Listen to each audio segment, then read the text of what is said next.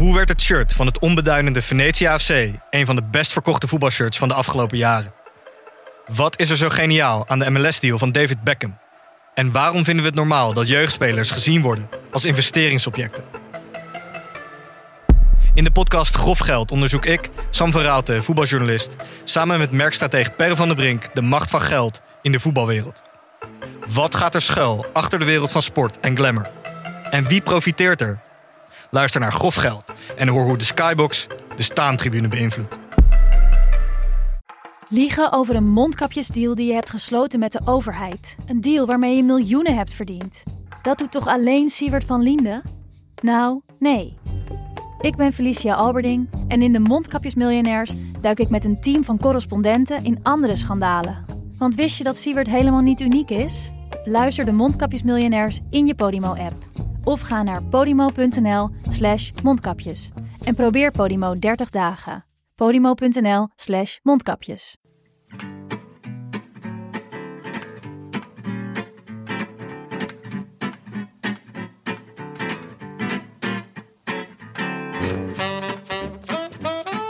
È maggio 2018 e cominciano le settimane più belle dell'anno, quelle del Giro d'Italia.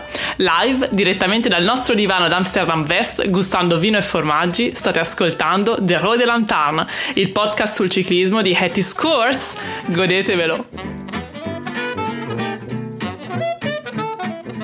In het lange Alpenweekend van de Giro werd het klassement nog even grandioos opgeschud. Oh, die jinx van woensdag die op donderdag 28 seconden opleverde en op vrijdag krachten bleek te hebben losgemaakt die we niet meer konden controleren. Alles ging alle kanten op. En toen de stofwolken waren opgetrokken, stond Simon Yates, tot en met de tijdrit van afgelopen dinsdag de gedoodverfde winnaar van deze Giro, 22e op een dik uur. Werd Pinot met de ambulance afgevoerd. Probeerde Dumoulin met zijn laatste krachten een afgeschreven roze Britten los uit zijn wiel en stond ome Sam in de top 10. Ei, ei, ei, het is feest bij Sky, want de Sergio Ramos van het wielrennen heeft gewonnen en dat vieren wij. Nou ja, een beetje dan. Willem, complimenten voor je intro's dit jaar. Je bent wel echt, eh, het zijn wel, ze, ze zijn Nobelprijswaardig, vind ik. Ja, ik ben een, ik ben een oeuvre intro schrijver. Ja. Ik, eh, Ik ben wel dat heel trots een op mijn- van uitkomt Ja, Giro. een, een bundeltje. Hoewel, en die gaat dan ai, ai, ai, het is feest bij Sky heten. Misschien wel je beste. Misschien wel mijn beste vondst deze Giro. Tim, hoor je de vogeltjes? Ja, het is hier schitterend. We zitten, we zitten in mijn tuin. Dat kan gewoon. In eh stadsdeel Slotenvaart. Ja, Stadsdeel Nieuw-West hè, heet het officieel. Oh. Een stad en dan is het Slotermeer. Slotenmeer. Ja, Wat is het verschil tussen Slotenvaart en Slotenmeer? dat is een andere buurt. En Jon is er ook. Ja, We Jon zijn is met z'n drieën. Ja, ik heb nog niks gezegd, maar ik ben er wel. Zeker. En, eh, en eh, ja, het is, het is goed toevier. Het is Vind echt ik. prachtig hier. Ja. Een beetje, heerlijk. ja, een beetje vogeltjes en af en toe misschien een vliegtuig dat laag overvliegt. Ja, dat dat ligt een beetje aan hoe de wind eh, staat, En toch? als je ons af en toe heel hard auw hoort roepen, dan komt dat omdat er een mug eh, heeft, is gekomen. Want we zitten namelijk net Ik heb naast nog een nooit vaartje. heel hard auw geroepen op het moment dat ik door een mug werd Ja, dan ken je die muggen hier nog niet. Het is echt wat anders dan die muggen in Oosten, Ja, hè, toch die muggen in Nieuw-West, die eh, zijn wel gewoon eh, zijn die hard. Die hard. De tweede keer hè, dat we in de open lucht zitten. Ja, Weet je de eerste keer nog, Willem? Bert Wagendorp.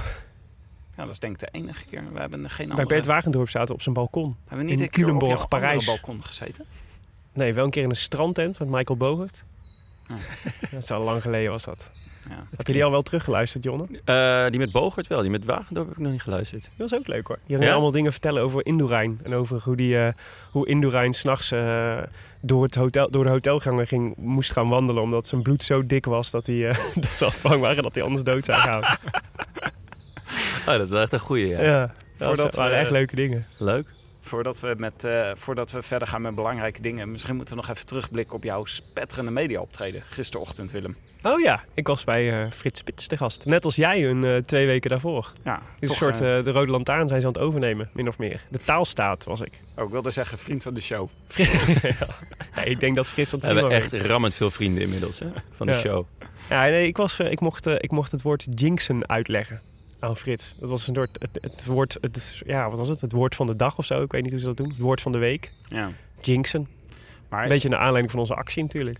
Had je ook niet dat, eh, het, het valt me altijd op van, eh, van radioprogramma's, is dat ze een eh, eh, voorgesprek doen van 45 minuten ongeveer. Ja. Waarin echt de meest fantastische verhalen boven tafel komen. En dan zeggen ze, die moet je echt vertellen. En dan heb je 30 seconden gelegenheid om dat te doen. Echt? ja, dat was, ja, dat was eigenlijk nu Heb ook je al voor weer dat, zo. ik bedoel, ik vond het leuk hoor. Het was een, een, een, le- een hele leuke minuut. Maar heb je daar drie kwartier voor nee, met een het of was andere... geen drie kwartier, maar wel, wel, wel, ik denk wel 20 minuten hoor. Dat meen je niet. De voorgesprekken van de radio zijn Ja. echt veel leuker Maar- dan de gesprekken die je zeg maar live in het radioprogramma Maar wat, wat nog het gekste was, was dat eigenlijk, dat eigenlijk ook niet... Ik wist eigenlijk helemaal niet zo goed wat ik moest vertellen. Dus ik, was het al, ik had mijn, eigenlijk mijn hele ochtend zo'n beetje vrijgepland.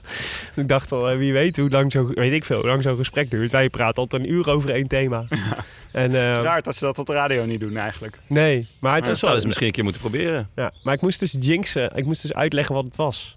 En, eh, en ehm, mijn, mijn beste vertaling was de goden verzoeken. Ja. Ja, vond ik wel een mooie vertaling, ja. Ja, want ik dacht dat is wel... eh, maar ja, maar de, de- die, daar, daar kreeg ik dus amper de kans voor om dat, dat nog verder uit te leggen.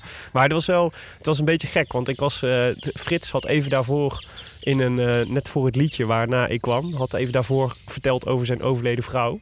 Ja. Dus hij was denk ik ook niet heel scherp zelf. Ze had nog niet helemaal Daar de werd, eh, om, eh, om over de Rode Lantaarn te Nee, want ik ging natuurlijk na afloop zoeken op de reacties op Twitter. En toen zag ik dat in één keer, dat hij dat had verteld. Dan had wel ik dat had gemist, omdat ik me aan het concentreren was op de, Ja. Op het voorgesprek. Ja, ja. Oh, dat is wel heel... Ja. ja. Maar desalniettemin vond ik dat je het goed had gedaan, Willem. Oh, dank je je. maakte me trots. Dank je, dank je. Daarna was Frank Heijnen overigens ook nog. Dus heb ik toch nog een keer met Frank Heijnen in een uitzending gezeten. Ja, wel een lange omweg voor nodig. Hele dat lange hij nooit naar de Rode Lantaarn We, we hadden. Frits Spits nodig om ons tot elkaar te brengen. En waarom, eh, wat eh, kwam Frank Heijnen dan... eh, waar kwam je over babbelen? Ehm, ja, toch ook al over de Giro Ook volgens over mij. Giro. Ah, Nee, oké. volgens mij over boeken en eh, boeken Oh, en God. taal en zo. Ah, nee, ja. Nou, nee, maar ja. Maar Laat, dan maar, dan kappen we dit onderwerp gelijk af. Ja. Sorry Frank. Op Zeg het moment Tim, dat het over boeken gaat, dan uh, houdt het echt op. als, jij als, Ja. als, als uitgever van deze podcast... Ben je, Ja. ben je tevreden over, eh, over onze Giro-reeks? Ja, ongelooflijk Willem. We hadden vorig jaar tijdens de tour, hadden we, tijdens de tour van 2017, hadden we eh, 15.000 luisteraars in totaal. Mhm. En nu eh, zijn we voor deze uitzending de 60.000 al eh, gepasseerd. 60.000. 60.000 luisteraars. Dat, zijn, eh, dat vind ik toch wel echt veel. Ja. Eh, hoeveel hadden jullie vorig jaar? Zonder mij? 15.000 tijdens de Zonder mij 15. Ja, nu eh, dus met mij meer dan gesproken 60.000. over het eh Jonne Series effect. ja. Ik vind het wel, ik vind Het het duurt wel nooit lang hoor, Jonas Ries effect. Hoezo? Dit duurt al, blijft lang doorgaan. Nee, juist niet. Dat is gewoon eh 1, 2 potjes. Oké. Dus bij bij de Tour eh, zakken we weer terug waarschijnlijk. nou, we zullen het zien. Ben Ja, benieuwd. genieten jongens, wat een cijfers. Ja, maar is, ik vind het Ja, ook, ik ben er wel trots op. Je is toch merkt leuk? Ja, het is hartstikke leuk. Je merkt ook dat er een soort... eh, Zo'n podcast maak je niet, maken wij niet met z'n drieën. Maar maak je ook met alle luisteraars die de hele tijd dingen insturen. Want ik bedoel, bij ons best wel belangrijk de rectificaties eh, rubriek en de voorspelbokaal. En, eh, Ja. en eh, de, gewoon de klachten en de, jub, de, de jubelrecensies. Dat Ja, zijn het allemaal wordt, belangrijk. het wordt er eh, echt leuker van als mensen mee gaan doen. en mee Ja, gaan, ik eh, merk het echt. Ik word echt vaak eh, erop aangesproken van... ja, ze kunnen niet dit doen en eh, deze bijnaam, eh, komt die daar vandaan? En eh, nou ja, ik vond het, het raarste, of het mooiste misschien wel... die, die uitgebreide e-mail over dat als zijnde. Die hebben we vorige keer behandeld. Ja. Eh, Dat, Dat, ik geen geen als... eh, als zij- zijnde meer mag zeggen. zijnde, ja. En dat was echt een super lange e-mail. waarin die man toch ook besloot met de tekst... Ja, eh, ik wil niet dat jullie mijn naam noemen, want ik- dan sta ik bekend als een eh eh, komma-neuker. En dat wil ik niet. ja, zo, eh, alle lezersbijdragen worden gewaardeerd. Maar de Maar de- lezers mogen zich eh, verheugen op de, de luisteraars eh, barbecue die we nog een keer bij Jon in de tuin doen. Ah, dat zullen ze blij mee zijn, mijn buren. Genoeg navelstaarderij. Hebben we nog rectificaties? Ja, we moeten één, eh, één ding rechtzetten. We hadden afgelopen, eh, tijdens de afgelopen uitzending waren we natuurlijk vol van het Jinx-verhaal van Simon Yates. Ja.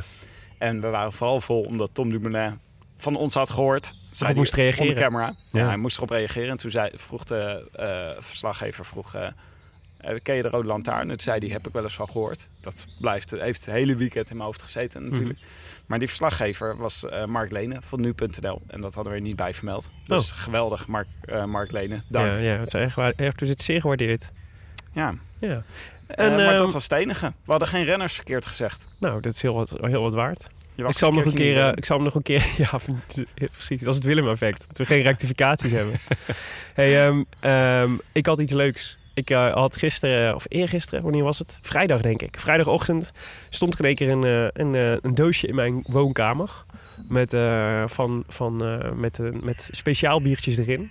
En had een, een van onze, de vrienden van de show had ons zomaar het natje voor vandaag aangeboden en opgestuurd. Wauw, echt? Ja, Wat leuk. Ja, en dat was Hu Bellemakers. Tevens, ja, is wel echt een vriend van de show. Want dat was, was dat nou misschien wel onze eerste gast in de eerste Tour de France? Of was dat, eh, was dat Leon Geijer van, eh van Het Scores? Eén van de twee was in ieder geval de allereerste Ja. gast van de show. In ieder eh, geval tijdens het eerste seizoen. ja, en kennelijk luistert hij nog steeds en waardeert hij het nog steeds. Want hij stuurde zomaar gewoon speciaal biertjes op. Lekker zeg. En niet zomaar speciaal biertjes, maar Pale Ale Citra. Van Brouwerij Kees. Nee, dat is dus niet helemaal waar.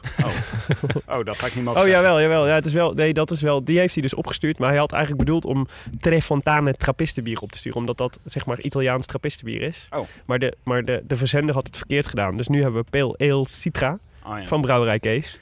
Dus ik ben benieuwd hoe die gaat smaken. Maar Misschien, ik waardeer het echt super. Dus hij had er ook bij. Ik zat een briefje bij. Als natje bij de Rode Lantaarn. Kus, kus, kus. Huub.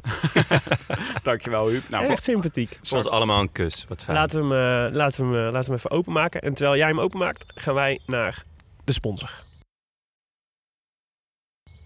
Eh, Oké, laten we het hebben over eh, de prachtige koers die vandaag op het programma stond. Ja, van Rome naar Rome. Een schitterende rit van Rome naar Rome die na eh, ongeveer eh 10 minuten koersen werd geneutraliseerd. Ja, omdat Froome bang was, hè? Wat dan? Ja, hij was bang, toch? Het Ja, was allemaal- Froome. Het was Froome's initiatief dat hij geneutraliseerd werd, de koers. Dus die, was, eh, die werd... eh, cheers, jongens. Cheers, jongens. Nee, dus eh, je zag Froome op een gegeven moment naar de, naar de ploeg, naar de, naar de juryauto gaan. En die begon luid te overleggen met, met de koersdirecteur. En, en er was even discussie en toen zagen we de, de koersdirecteur, eerst de koersdirecteur en toen Froome knikken. En prompt werd, de, werd de koers geneutraliseerd. Dus toen mochten, werden alle tijdsverschillen werden opgeheven. Dus konden de, de klassementsrenners konden zich keurig laten uitzakken en hoeven niks meer te doen. En eh, de renners die voor de etappe wilden gaan, die mochten, die mochten gewoon rijden. Maar dat ze had hadden het... eh, Dumoulin vrijdag moeten doen. Ja, dat is echt beter geweest. Ah, dat was echt hilarisch geweest. Ja. Even Maar- knikken, Maar het was knikken, wel, eh, ik snap, ik snap de beslissing wel, want je zag wel, ik bedoel, het wegdek in Rome is notoor slecht. En, ehm, en alle, Mm. alle, alle Romeinen hadden van tevoren, de, de, Rom- Rome is dus helemaal niet zo'n wieler-minded stad, hè. Dus eh, daar zijn ze vooral van de scootertjes en de auto's. Ja. En, eh, en iedereen klaagt er altijd over de, over de putten in de weg en zo. En, eh, en dat dat vreselijk is en dat je dat je, je scooterbandjes op kapot rijdt. En ehm, eh, dus de Romein, waarom de Romeinen uitkeken naar de, naar de Giro-etappe in, eh, in Rome... was vooral omdat ze dan dachten, dat is mooi, want dan worden die putten eindelijk eens aangepakt. Maar dat is dus niet gebeurd. Dat is gewoon niet gedaan. nee. Ah, dus werd de koers alsnog geneutraliseerd. Ik Alleen denk, in Italië, hoor. ik denk Nou, dat in eh, België trouwens. misschien heeft de Giro-organisatie het zich aangetrokken dat wij klaagden over te weinig valpartijen tijdens de Giro. En Ja. toen op het laatste moment besloten om de kuilen niet te dichten. Ja, ja ik heb ook nog, toch nog maar één valpartij gezien vandaag. Was er een valpartij? Ja, was Ja. één valpartij, ja. In het begin helemaal. Ja, Wie was maar zon- zonder erg. Begrijp ik nou dat jullie vandaag, eh, ondanks alles, toch vroeg voor de tv zijn gezeten om koers te Ja, ik kijken? hou altijd wel Ja, van... ik zeker. Ja, Ja. volle bak. Ik, heb, wel ik heb nul minuten gekeken vandaag. Nul? Ja, ik moest, eerst moest ik eh, LTD eh, editen. Uh, buitengewoon leuke podcast weer. En eh, ja, daarna was eh, mijn zus jarig. Dus eh, van harte zus. Oh ja. Ja, nee, die Laurens ten Dam podcast. Ja, dus Lau- Laurens eh, ten Dam die, zat eh, die, met zijn Live Slow Ride Fast podcast. Die eh, heeft vanochtend dus nog met jou en eh, Stefan Bolt een, eh, een eh, soort terugblik eh, opgenomen. Ja, dat was eh, redelijk last minute allemaal. Ja, maar was wel een hele leuke. Ik had hem tijdens de, ik had hem namelijk tijdens de etappe zitten luisteren. Oh ja, ja. Ja, het is wel gewoon leuk om hem ook te horen over eh, hoe hij het beleefd had. Hij, Ja, klonk, vind ik wel, wel. eh, hij klonk wel moe. Had geen hij zin was in de goed naar de kloten, ja. Hij, en hij is inderdaad, het, hij noemde het het laatste ritsyndroom. Hij Ja, had het in, eh, in de Tour ook altijd. Hij zei ja, de, de, het is alsof de, de, de spanningsboog eh, die, die gaat bij mij tot en met eh, de laatste, of de ene laatste rit. En ja, die kermiskoers, daar, eh, daar heb ik echt helemaal niks mee. En dat vond ik wel grappig. ja maar hij heeft er ook niks te zoeken natuurlijk. Nee, nee, totaal niet. En, Eh, ehm, en nee, maar ik zijn heb werk dus was wel, eh, gedaan, was letterlijk wat hij zei. En ja, het was echt een leuke podcast weer. Was echt genieten. Ja, maar ik, hou, ik, hou- ik kijk altijd wel, want ik hou er altijd wel van. van dit la- ook al is het soort, eh soort eh, ehm, rondje show, zeg maar. eh, maar het, sowieso, het was natuurlijk een prachtig decor, Rome. Dus het Colosseum en nou ja, waar kwamen ze allemaal nog meer langs? Oh, Piazza del Popolo was mooi. En ehm, ik hou ook al... Was Danny van Popolo daar nog actief? Nee, die, was, die zat er iets voor. Nee, maar, het en dan krijg je al die showtjes dat Dumoulin dan even met Froome gaat babbelen en zo. En dat dat in beeld wordt genomen. En of kun je maar een beetje speculeren waar ze het dan over hebben. En dan ja. het Viviani gaat even bij iedereen langs en dat soort dingen. Dus is- ik vind dat altijd wel leuk om te zien hoor. En het is er ook gewoon, eh, het, het is ook een beetje afsluiting voor jezelf hè. Van, zo, van die Closure. Je was op zoek naar closure, Het Willem. cirkeltje moet toch rond. Ik vergis me toch ook wel een beetje. Dan eh, ga ik om vier uur ga ik lekker voor de tv zitten. Dus tot er 85 kilometer te gaan. Ja, Ja, ja, het- inderdaad. Ja. want- Ja, ik keek nog Zo even op mijn telefoon. dacht Van, nou ja, pak ik hem nog even mee. Maar ja, toen moesten ze nog 60 kilometer. Toen heb ik de telefoon weer eh, weggelegd. En toen ben ik het gewoon vergeten. Ja. Volgens mij eh, moeten we het over eh, deze etappe snel vergeten. Maar toch even twee dingen. Eén, eh, Danny van Poppel. Wat? een wonderlijke Wat? actie. Dat nou weer. Nou, heb je het interview na afloop gezien? Hij vond het geen sprinters. Nou, je- hij, hij, vond, hij vond het een gek rondje. En eh, Ik Dat vind hem was een gekke renner. Ja, nou, het was, het was dat, dus, hij- wat gebeurde er? Dus eh, Danny van Poppel was dus door iedereen opgeschreven als eh, nou, de outsider voor de sprint, laat ik het zo zeggen. Een aantal ereplaatsen gereden in de afgelopen sprinters-etappes. En, ehm, eh, en was eigenlijk in koers, vooral nou ja, in koers gebleven ook voor, de, voor Rome. Voor deze, voor- nou, eigenlijk, en iedereen verwacht hij gaat meesprinten. En wat gebeurt er? 10 kilometer voor de, voor de meet demoreert hij. Samen met Tony Martin. en, eh, wie zat er nog meer bij? Eh, niet Dowsett, maar nog zo'n andere hardrijder. Seneschal. Die Ierse kampioen, hoe heet hij? Eh, nou? Ryan Mullen. Ryan Mullen. Ja, en Seneschal. Dus wat En dat Seneschal. betreft begrijp ik het nog wel. Het waren wel een aantal hardrijders met stap Zeker, ja. Maar dit, Maar ja. maar dit soort dingen lukken bijna nooit. En, eh, en, en vooral was het, kijk, gaat, hij, hij, eh, ik dacht, hij doet dit omdat hij voelt, ik heb niet zulke goede benen om de sprint te winnen. Ik ga dit niet redden tegen Viviani of tegen Bennett. Ja. Maar na afloop zei hij dat hij was gegaan omdat hij superbenen had. en en en eh, ja, dat was echt heel vreemd. Dus hij zei, dus ik, ik had superbenen en ik dacht, eh, ja, ik ga het gewoon proberen en ik hou wel van dit soort aanvallen. Toen dacht ik, het is toch, het is heel gek om dan zo, als je super bent, wat dat er dan moet gebeuren om, om je die sprint te laten rijden. Want ehm, Bobby Traxel, eh, die, eh, die commentaar, die verbaasde zich er ook over na afloop, moest een commentaar opleveren. Die zei, ja, dit was eigenlijk een ideale sprint voor, eh, voor Van Poppel. Want eh ging lichtjes bergop, weet je wel, power, Ja. eh, eh, ongelijk terrein. Was meteen ook de fout van Viviani trouwens, moeten we zo maar even terugkomen. Maar de, de, eh, ja, het was een beetje een gekke actie. Nou, als er ook, ja, het kan natuurlijk, weet je, je kunt natuurlijk het risico nemen dat je zo'n eh, zo'n aanval plaatst. Maar je bent vervolgens kansloos voor de sprint. En ik denk serieus dat die, zijn kansen veel groter waren geweest als hij gewoon gewacht had. Tuurlijk. Tuurlijk. Misschien was het een impuls. Laten we het daarop houden, want het, het lijkt Maar me niet... doe je toch niet als impuls? Ja. Denk Ja, je? Ik, ik weet niet wat... eh, Ja, maar Ja, het kan natuurlijk, Het was sowieso een impuls, maar een heel domme impuls. Ik kan, ga me niet, kan me niet voorstellen dat eh, Jotto Lumbo van tevoren heeft gezegd... Nou, Danny, op 10 kilometer, dan ga jij eh, Tony. Martin vragen of hij er zin in heeft. en dan eh, gaan jullie lekker, eh, gaan jullie lekker even voor het peloton rijden. Hoe heet, hoe heet die, die Belg van, eh, van Lotto Jumbo, die ehm, Gijs van Hoeken, Ja? die was ook, eh, die was ook, eh, die werd na afloop ook geïnterviewd. Die was ook, dat is eigenlijk zijn, de, de aantrekker van zijn sprint. Die was ook echt een beetje verbaasd dat hij die keuze had gemaakt. Dus die zei ook, ja, ja, Danny, van- Danny zei, eh, ja, we gaan het zo doen. Ja, dan denk ik, oké, dat, is, dat, is, dat is goed, dan doen we het zo. Onlezig. Maar, ja, Ah, maar je zag gezond. hem ook echt een beetje zo kijken van, ja, zijn we hier nou voor, eh, voor naar Rome gereden? dat dit soort, eh, maar, ja, was, was een beetje gek. Oké. maar je houdt Nou, dus maar twee sprinters over dan, eigenlijk. Viviani Ja. en Bennett. En Modelo nog ergens. Ja, ja, nou ja, en Modelo Ah, nog. Ja, is ook en, nog wel eh, mee hebben en- gedaan. En En Baptiste, hè? Baptiste, Baptiste Ja, Blankaart. Die zat er eindelijk bij. Bonifacio, eh, volgens mij, die versteerde het treintje van, van hoe heet het, eh, Ska- Quickstep. ja, van eh Quickstep, ja. Ja, en dat, en, en dat was wel een spectaculaire actie. Dat ging namelijk dwars door Kuilen heen en door het Ja. midden van het peloton zo, zo de Maar- trein in. Hij ramde zo de trein. Maar dat was niet... eh, het was waardoor, niet de, Zo ken ik hem wel. waardoor de trein een beetje ja, in het, was, het het was heel goed, maar ik vond dat Viviani daar dus heel scherp was. Want die beukte hem echt terug. Ja. En, eh, en, ehm, en dat, maar hij verloor de sprint. En eh, dus, dus je moet je voorstellen. Dus, rijdt, dus eh, ze reden elf rondjes volgens mij. Eh, elf dezelfde rondjes. En ehm, nou, wat doe je dan, denk ik dan, als sprinter? Dan ga je kijken... dan heb je dus elf keer de kans om de sprint te verkennen. Toch? Om te zien welke lijn moet ik rijden om, Ja, om- om optimaal gebruik te kunnen maken van het, van het parcours. Ja, om en nabij elf keer dan. Ja. Ja, wat, ja, tien keer. Want de elfde keer moet je het echt voor het echi. Maar, ehm, eh, en je weet dat het een, eh, dat het een, dan weet je na tien keer, weet je wel, dit is een vreselijke hobbelige weg. Waar kuilen in zitten, waar gr- grind op ligt, waar zand op ligt. Wat echt, wat een verschrikking is om, over, om evenheen te rijden. En wat doet Viviani? Hij kiest de slechtst mogelijke lijn op, het he- op de hele straat. En je ziet dus dat hij, dat hij, je ziet hem gewoon wegslippen een aantal keer. Met dit, als hij kracht zet, zeg maar, dat zijn wiel achter, naar, naar achter gaat. Zoals je, Ja. weet je wat je vroeger ja. had als je bij een, bij, een, bij een zandbak aan het fietsen was. Dan het is dat een soort dat je Ja. kracht zet en dat zo. Nou, ik dacht, wat is dit voor amateurisme? Ja, maar hij, het had is, gewoon, hij was gewoon de verkeerde lijn te pakken. Willem, ik denk dat het ook voor een heel groot gedeelte... ik ben woest. Tim. Ja, ik snap Ik dat je woest bent. je. Maar ik vind het van De- van Poppel echt nog een stuk amateuristischer om heel eerlijk te zijn. Maar ik denk Ja. dat voor Viviani dat hij ook eh, op een lijn terecht kwam waar hij niet meer uit kon komen. Ja, maar, ja, maar hij was de enige met een sprintterrein. Hij was de enige die wist... Die, eh, hij, die, kon een, die zette hem volgens mij op de goede plek af. Namelijk midden op de weg.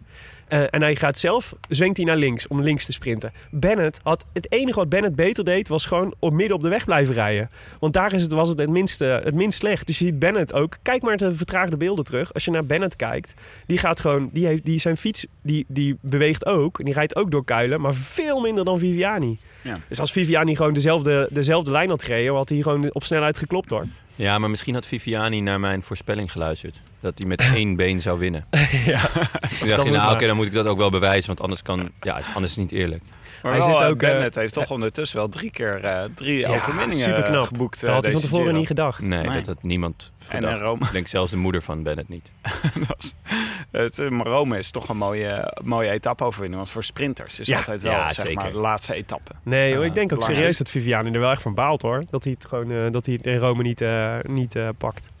Hij gaf het ook op, hè? Hij gaf, je zag Ja, op een nou ja, was moment, gewoon, eh, hij dacht natuurlijk, ik ga die niet meer pakken. Dat zie je natuurlijk ook al een paar meter van tevoren aankomen. Ja. Dus ik snapte het wel. Maar goed, nou ja, dat was dus toch nog een enerverend, eh, enerverende laatste eh, 300 meter. eh, Laten we het over de rest van de Giro hebben.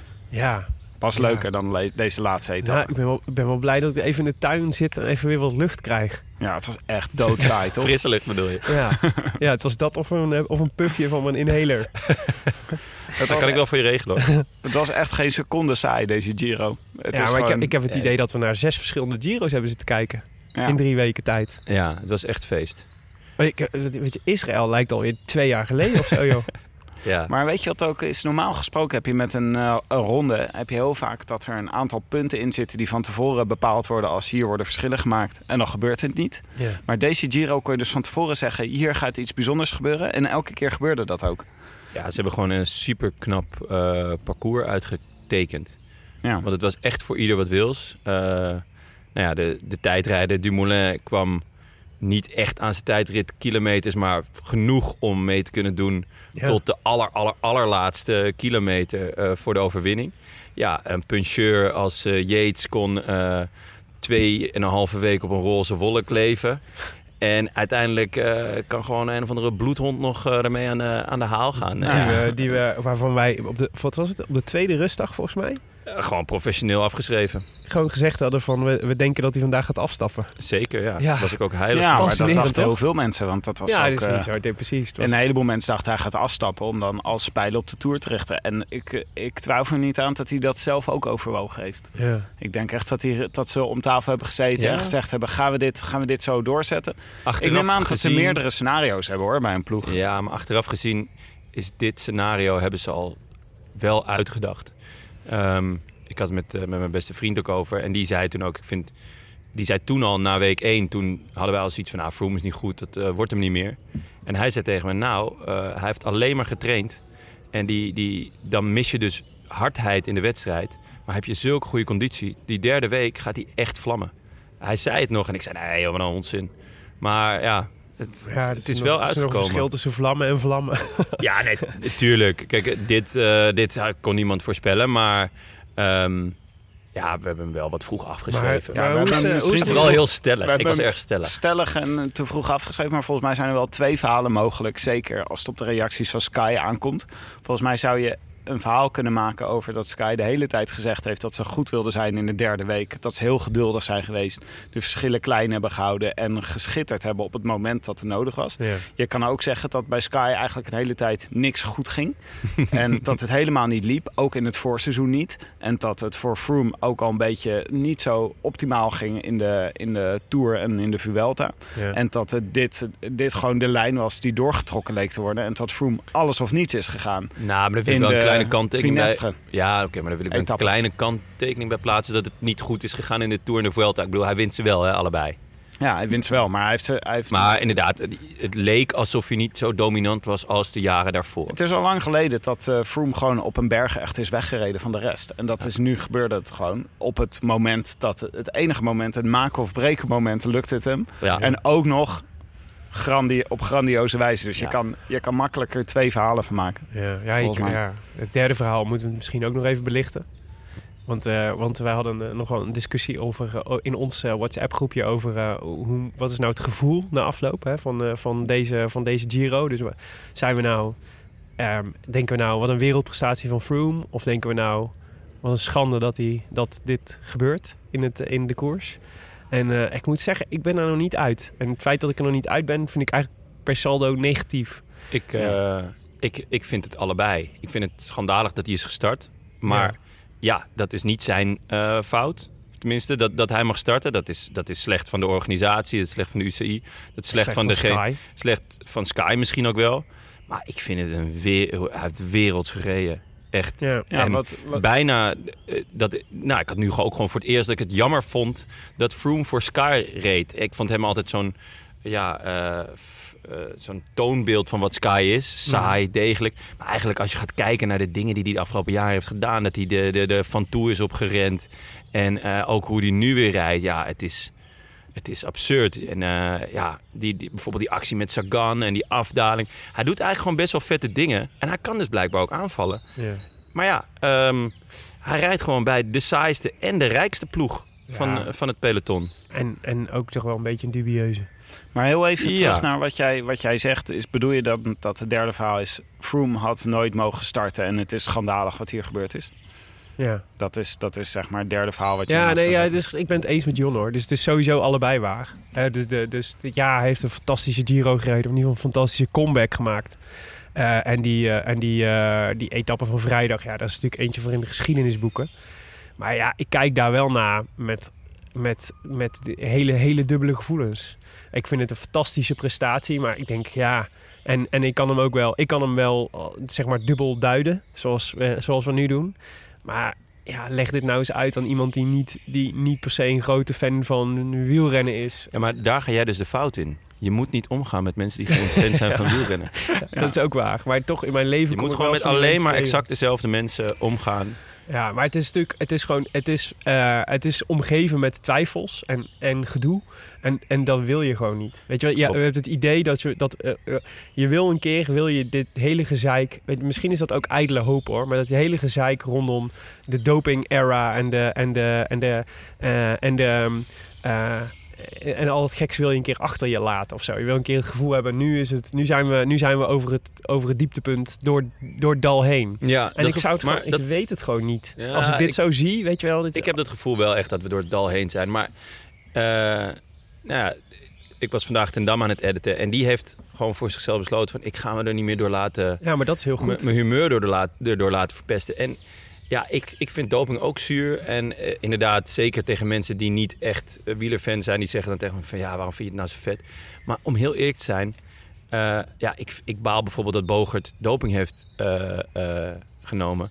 Maar ik heb er geen seconde minder plezier om gehad Nee. toen hij daar won in de Nee, Tour. en eh, de Amstel Gold. En weet je, ik heb daar op de banken gestaan en ik vond dit gewoon, deze Giro was gewoon fenomenaal. Nee, maar daar, daar, kijk, Dus- wij hebben het in de Rode Lantaarn ook zelden over doping. En dat is onder andere om deze reden. Weet je wel? Wij weten er, wij, we weten uiteindelijk weet je er bijna nooit, iets, het, nooit het fijne van tot het een keer eh, tot het, tot het bekentenis komt. Alleen, ik had nu wel dat ik dacht. Ik was gewoon, ik werd er gewoon, ik dacht, ik, eh, eh, misschien word ik nu geva- gevangen door het, eh, door het, dat ik, door het syndroom dat ik het, dat ik het gewoon niet echt, dat ik niet echt meer geloof. Maar ja, goed. Doe het ik- niet, Willem. Doe het niet. Maar het, Ja. is, het is natuurlijk ook vooral een procedurele kwestie die er in het honderd loopt. Want het zou eigenlijk natuurlijk zo moeten zijn dat als iemand verdacht wordt, dat er regels voor zijn. Ja. En dat je dan geschorst wordt of niet geschorst er wordt. is er, er zijn, er zijn heel veel renners, maar er zijn renners gewoon geschorst op, eh, op precies dezelfde gronden waar Froome nu op mag blijven doorrijden. Maar pas na de uitspraak. Kijk, de, de regel is, in, in zo'n klein gevalletje, is de ploeg en de renner zelf wo- worden ermee geconfronteerd van, joh, dit en dit, je mag uitleg komen geven. Het, wat het verschil is, is dat het gelekt is voor Froome. Dus kijk, normaal gesproken wordt dit onder de pet gehouden totdat er een uitspraak volgt. En dan is er gelijk die schorsing. En nu is er dus, eh, is, is dus die, die test geweest. Nou, die is te hoog. En Veel te hoog. ja, veel te hoog. En die wordt vervolgens eh, eh, gelekt. Waardoor Froome niet, zich niet kan verdedigen. Maar ik kan En toch het- gewoon zeggen, dit is aan de hand. Dat dit, is de reden waar- maar- dit is de reden waarom die testen Maar, zeg maar ik, wil, ik wil even wel duidelijk hebben. Er, er zijn regels voor. Dit is de procedure. Iemand heeft het gelekt. Vervolgens is het belachelijk hoe lang het duurt. Want waarom zou deze procedure zo lang moeten duren? Ja. Dat is gewoon super slecht voor de sport. Ehm, maar dit zijn de regels. Ja. Oké. Ja, het Nou, is... laten ehm, we, en laten we onze laten we- baken even zetten. Nee, zo, sowieso. En laten we co- eh, concluderen in ieder geval. ehm, nee, dit, mijn liefde voor het wielrennen is niet, eh, is niet verloren. Oh, pak en van ja, hart. ik, vind, ik vond het echt een fantastische prestatie van Froome. Maar ik vind, gewoon, ik vind het vooral denk ik jammer dat ik, er, zeg maar, dat ik niet, dat ik niet, met, eh, met, eh, eh, met, niet meer met zo'n goede open blik naar zo'n prestatie kan kijken zonder meteen te denken, ach, Ja. ach, eigenlijk vind ik het niet goed voor het wielrennen dat jij nu wint. Nee, dat klopt. Ik dat denk is dat ook, ook veel mensen dat gevoel hadden hoor. Ja. het is de slechtst mogelijke uitkomst. En bovendien was ik toch al het voor Dumoulin. Dus, hè? Was jij voor Dumoulin? oh, vet. Ja. Wat hadden we eigenlijk als... eh, we hadden tijdens de voorbeschouwing hadden we van tevoren besloten... waar gaan we echt op letten Nou ja, tijdens ja. deze Giro. ja, en het grappige is dat we dit, dit hebben we dus halverwege hebben we al een keer besproken. Ja. En toen, eh, toen gingen we ook bij, bij Jonnes, eh, Jonnes puntje, namelijk Dumoulin vers- versus Froome, zeiden we nou, dat is wel bekeken. Ja. dat, is jammer. dat is eigenlijk jammer dat dat, dat, dat niet gelukt is. Hadden we afgevinkt. Ja, been there, done that. Ja. Got Ja, maar ja, het grootste gedeelte van de Giro ging ook niet over Froome en Dumoulin. Nee. Dat is echt alleen maar de laatste drie ja, dagen de, de eerste dag en de laatste drie dagen. Ja. Ja. Ja, En de, de, het grootste gedeelte van de Giro ging over hoe gaat Dumoulin Yates verslaan. En daar had hij natuurlijk hulp bij, wat, eh, wat zeer van pas kwam. ja. Namelijk eh, de, de Witch Kings van, eh, van, eh, van de Rode Lantaarn. Maar het was toch nog een mooi duel aan het einde, vond ik. ja, zeker. De mano a mano op vrijdag en de, en de, de vergeefse pogingen van, eh, van Dumoulin om toch nog weg te rijden. Ja, ja ik, ik, ik, het blijft malen. Wat had hij nou moeten doen? En ik blijf erbij. Die eerste keer dat hij wachtte op Reichenbach was goed. Ja. Met de afdaling in die vallei. En die tweede keer niet. Tom Dumoulin is een goede daler. Hij had gewoon in die afdaling vol moeten gaan. En daarna vol moeten rijden. En dan gewoon maar bedenken, oké, fuck het. Misschien krijg ik nog eh, drie, vier, vijf plakkers mee. Maar eh, dit is wat ik ga doen. Ik ga rijden één tegen één. Froome rijdt er ook in zijn eentje. Ja. Ik, ik ga het gewoon laten zien. En Hij was hier zelf heel... Hij, werd hierover bevraagd namelijk. Ja. Heb je dat gezien? ja, Hij was echt boos over. Die Dumoulin. Ja, het- hij, hij vond het... eh, ja, hij, hij vond het echt bizar dat de media hier zo eh, dit, dit als soort, eh, soort eh, centrale theorie van de, van de, van de etappe hadden, hadden gebombardeerd. ja nee, ik, ik vond het op het moment... Dat deed hij toch zelf? Nee, Hij zei zelf hij na zei- afloop, zei hij, misschien had ik niet op Reichenbach moeten wachten. Ja, want die klopt, daalde ja. als een automaatje. Ehm, ja. Ja. in de afdaling. Ja, nee, maar het ging over... Had je niet alleen, eh, had je niet alleen door moeten rijden. Ja. En, eh, ja. Maar hij zei zelf van misschien... eh, ja, de, bij, Sunweb, bij Sunweb is de nieuwe uit, uitdrukking... Is, achteraf is mooi, kan je mooi wonen. Achteraf is mooi wonen, ja. Ja, en, Dat is waar. En dat- nou, en dat, zei, van, toch? dat hoorde ik Dumoulin nog zeggen. Die zei namelijk van, ja, ja, dit is achteraf praten. Maar, eh, Ja, maar hij was nu dus echt- moeten rijden. Ja, maar dus, dus ik denk dat hij een beetje doelde ook op... ehm, eh, in de Telegraaf stond een heel groot eh, stuk over dat, eh, dat Sunweb zich nog maar eens achter de oren moest krabben over de tactiek die gevolgd was in... eh, in eh, dit is hetzelfde als mensen die niet van wielrennen houden. Je moet ook niet de Telegraaf lezen. Ja, maar hoe heet hij nou? Raymond Hendricks? Raymond Kerkhoff. Oh, Kerkhoff, sorry. Raymond Kerkhoffs. Die vind ik altijd... Dat is toch altijd best wel... Hij heeft toch altijd best wel leuke dingen. Wel Ja. een toepasselijke naam voor als je bij de Telegraaf bent. Maar hij was... eh, hij, dus, die had dus wel een soort van... Die zei eigenlijk... Het valt Sunweb te verwijten dat Dumoulin hier de Tour verloren heeft. En toen dacht ik... Ja, maar ik vond tot dat moment ook een hele logische. En Dumoulin zei nu... ehm, als ik het één op één tegen Froome had moeten doen... dan had ik nooit gewonnen. Dus, mijn, eh, dus ik dacht... Mijn beste kans is... Mijn enige kans is om nu eh, vijf, man, eh, die, oh, vijf man te vinden... en te hopen dat hij zo ver te krijgen dat hij mee wilde werken. Ja, en dat is niet gelukt. Of net niet Ja. goed genoeg. Maar dat is met dat soort beslissingen op dat moment. Als we op dat moment bij elkaar waren gekomen met een spoedrode lantaarn, dan hadden wij waarschijnlijk dezelfde Hadden we hem beslissing. ge- Nee, dan hadden we, Hadden we alle scenario's kunnen... De, de Maar nee, maar dan hadden we waarschijnlijk dezelfde beslissing genomen. Het probleem is dat je het niet op dat moment zelf weet je niet of Ja. het gaat lopen. Dan denk je, Froome moet nog 80 kilometer of dat, op dat- op dat moment nog 60 kilometer in zijn eentje fietsen en twee beklimmingen doen. En, en jij kan kiezen of ik ga dit in mijn eentje, ga ik dit fixen of met z'n Nee, vijf. maar ik heb het over die, eh, die eerste. Kijk, die eerste keer had hij, had hij, eh, vond ik het logisch dat hij wachtte op Reichenbach en ook een beetje op Pino, want die was lekker gereden. Ja. En toen die vallei en dan gaat hij weer omhoog.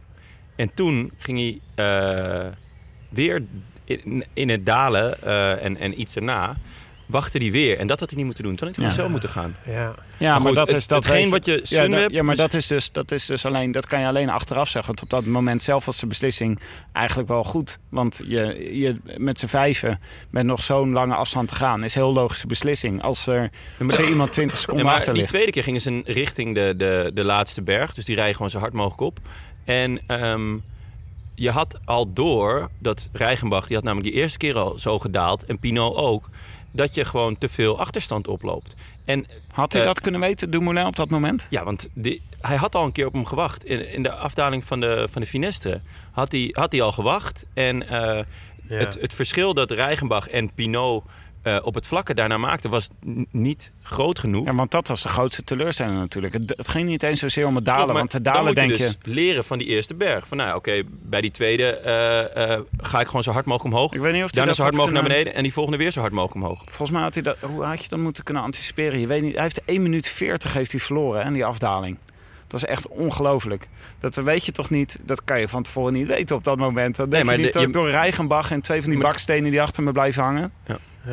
Maar goed, wat, wat je Sunweb wel... eh, Maar dat is toch een beetje- moment waarop de Giro verloren is gegaan dit jaar. Dit is 1 minuut 40. Dat is echt superveel. ja, nou ja. Dus Ja, daarom vond, vind ik dus niet dat hij die tweede keer... eh, hij maakt, die eerste keer maak je eh, een, een beslissing. Die pakt uit. Eh, eigenlijk niet goed. Je merkt dat je gewoon dik tijd hebt verloren. Dan moet je die tweede eh, berg en met name die afdaling... moet je daarna denken, oké, ik ga gewoon dalen. En daarna rijd ik gewoon die laatste berg zo hard mogelijk op. ja. Dat, dat was logisch. Ja, hij zei, Maar- eh, hij zei eh, eh, het is makkelijk praten. Nee, maar ik kon gewoon, is ik kon gewoon niet beter. Tuurlijk, we zitten hier aan eh erg. Nee, nee, dus lekker- maar hij zei ook, ik kom gewoon niet beter. Dus, Nee, nee, dus, nee, zelfs is al ook- was het, hij had niet het gevoel dat hij Daarom. ergens die Froome 40 was gewoon echte te goed. secondes terug had kunnen halen. Wat, wat om, om nog even terug te komen op, op de Telegraaf en, en Sunweb.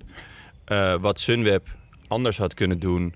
en dan had Dumoulin denk ik wel de Giro gewonnen... is eh, Kelderman eh, mee, meesturen naar Italië. Ja. Want Kelderman heeft top 4 gereden in de Vuelta vorig jaar. Ja. Eh, die behoort inmiddels gewoon echt, echt tot de wereldtop. Nou was Sam Omen ook heel goed. Maar die zat er net op dat moment niet bij. En ja, dat had natuurlijk het verschil gemaakt. Maar ja, ik snap het ook wel. Ja. En Froome had pools Ja, klopt. op En cruciale momenten. nou, nou ja, in, die, in die lange rit niet. Of in die lange eh solo toch dan niet. Maar inderdaad, op cruciale momenten zat Froome eh, met inderdaad één of twee man nog. Ja. En, En het ehm, was natuurlijk dat hij zijn ontsnappingen in de stijgers had gezet... doordat Sky echt naar boven is gejakkerd op de Finestre. mm, ja, ja, klopt. Dus dat, was, dat was de tactiek. Keihard de Finestre opfietsen met de ploeg en dan Ja. eh Froome lanceren. Ja, ja. En dat, eh, dat had eh Sunweb geen, eh, of Kelderman geen eh, antwoord op. niet naar, naar de Giro sturen een, een, een goede call is geweest. Dat weten we pas over een paar weken na, aan het eind van de Tour. Want hij gaat de Tour in als kopman. Eventueel hij, met, gaat eh, niet voor, eh, hij gaat niet voor ehm eh, het klassement, hè, Kelderman. gaat hij alleen voor ritzegers? Ja. Oh, Zo heeft hij gezegd in ieder geval. dan vind ik het wel Maar het zal misschien ook afhangen van wat Dumoulin doet, gok ik. Want Ja. eh, Dumoulin liet na afloop dus ook weten dat hij zei... ja, in principe ga ik naar de Tour. Eh, tenzij ik me over een paar weken nog zo rot voel Dat, dat, wisten hij... wij eh, toch al, al lang. Ja, en hij zei, ik beslis, eh, ik ook, weet ook niet of ik voor het klassement ga. Maar ik, als, ik, als ik ga, dan, dan probeer ik in de eerste weken dus geen, geen schade op te lopen. Of in ieder geval geen niet bewust tijd te verliezen. En dan kijken we hoe ver, waar het staat en wat mijn kansen zijn. Leuk. Dus het klonk echt super hoopvol. Werd heel enthousiast. Ja. Ehm, Mooi. Tim, de klimmers tegen de tijdrijders had jij eh, opgeschreven. Ja, Uiteindelijk werden de tijdrijders. Ja, Ja. het leek een heel lang de Tour van de klimmers te worden... omdat er veel meer aankomsten bergop waren. ja. En Yates gewoon elke keer op elke klim weer een beetje tijd pakte. Ja, weet je wat je eigenlijk... Wat, eigenlijk zit in die, in die tegenstelling van de klimmers versus de tijdrijders... zit een beetje de, de, de, ehm, eh, de spraakmakers en, de, en de, saaie, de saaie lullen, zeg maar. hè, Dat idee. maar de, de spraakmakers die we hadden verwacht... dat waren eigenlijk de saaie lullen van deze Giro. Ja. Zo, ja. Want, ehm, want eh, van Miguel Angel Lopez... Nou ja, sorry hoor, hij had net zo goed niet mee kunnen doen. Eh Carapaz... Ik, ik bedoel, het beeld wat bij mij nog steeds gewoon blijft hangen... is twee plakkertjes achteraan de, achteraan de voorste groep. Ja. Ontzettend onsympathiek gekoerst. Carapaz heeft één ja. mooie overwinning gehaald. Maar laten we wel eens Carapaz 22 of zo, hè. Ja, maar Eh. wel twee kinderen, Jonne. hey, het is een beetje net als Quintana, toch? Wow, Die zou, hij is pinte- Carapa- potent Carapaz is ventje. voor zijn paspoort is hij, is hij 22, maar in werkelijkheid is hij natuurlijk al 34. Dat zou Ze hebben hem gewoon lang, heel lang weggestopt. Ah, oké, dat Maar- wist ik niet. Maar eh, het was ehm, eh, voor de. Wat, wat ik wel een eh, positieve kant vond van deze Giro. is dat ik van tevoren dacht. kan Dumoulin nou eigenlijk wel echt goed genoeg klimmen om mee te kunnen komen. Ja. Nou, dat omdat vorig jaar, onder, ja, ja, omdat vorig jaar met Nibali en Quintana, die, Nibali is eigenlijk gewoon niet zo'n heel goede klimmer. En Quintana eh, was heel openloos uit vorm. Dus je wist het niet echt. Maar hier heeft hij laten zien dat hij ook kon, zeg maar, de echte klimmers, die heeft hij gewoon een paar keer ontzettend eraf gereden. Dus Klopt. dat heeft hij echt, eh, En ik vind wel, echt bewezen. ik vind wel voor een. eh, als je dan, want ik ben het helemaal eens met jou over de, dat de parcoursbouwers van deze Giro een fantastisch compliment verdienen. Maar ik vond wel echt te weinig tijdritkilometers. Je had, ehm, dat, ik bedoel, uiteindelijk pakt het pakte nu mooi uit, omdat, eh, omdat eh, je zo'n prachtig duel tussen Yates en Dumoulin kreeg, wat ook nog een soort van, is precies de afstand die het spannend maakt, zeg maar. Maar voor een Grand Tour is, zeg maar, vind ik, vind ik 45 tijdritkilometers in totaal vind ik wel echt te weinig. Er moeten minimaal 20 bij. Ja, ik vind de tijd zo oerzaai. Dus ik vind het eigenlijk wel, wel hoe minder, hoe beter. Oké. Ik had, eh, ik, mijn, mijn, eh, waar ik het meest naar uitkeek was Lotto Jumbo. Nou, En eh, dat leek even veelbelovend met eh Enrico Bataillin. ja. En, en Koen Bouwman en Geesink, die, die, die allebei volgens mij een hele goede Giro hebben gereden. Een beetje jammer dat ze, niks, eh, dat ze geen etappenzege hadden gewonnen. Maar dat was ook, ja, daar moet je ook een beetje geluk voor hebben. En dat hadden ze niet. ja, het was vooral... Bouwman, Een beetje een rare Giro wat dat Geesink betreft. tweede. Ja, en Van er- Poppel, eh, Van Poppel heeft veel ereplaatsen gereden. Maar ja, ook weer niet, eh, niet eh, voor de etappenzege. Ja, Bataillin heeft me wel echt positief verrast. Absoluut, absoluut. En ehm, het was gewoon een rare Giro voor bijvoorbeeld Geesink. Ehm, omdat er zo weinig vluchters het gehaald hebben.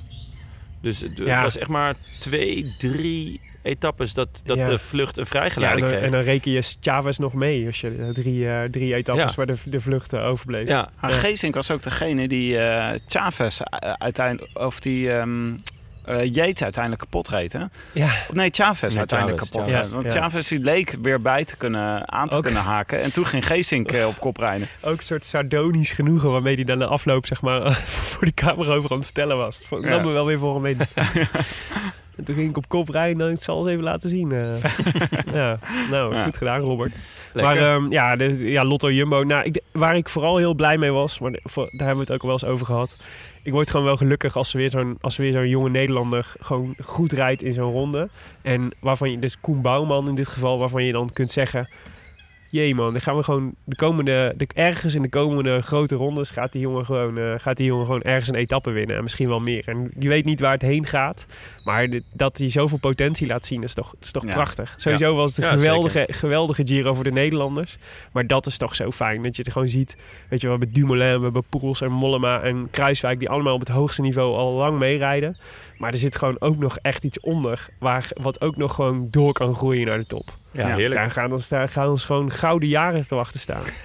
Oké, en dan het eh, favoriete moment van deze Giro. Ja. Eh, Jonne. Ja, de finale naar de etappe van eh, naar Osimo. Ja. Toen, eh, eh, ja, dat was echt Dumoulin prachtig- versus Yates. Ja, dat was echt een prachtige finale. We begonnen met die kasseitjes. Ja. En daarna echt zo echt van die heel korte eh, hellinkjes, van die muurtjes. Ja, eh 16% 18% En Zo'n zo'n soort middeleeuws Italiaans stadje. Ja, zo mooi. En, weet, je waar het dan, weet je waar het mij aan deed denken? Nee. Mario Kart.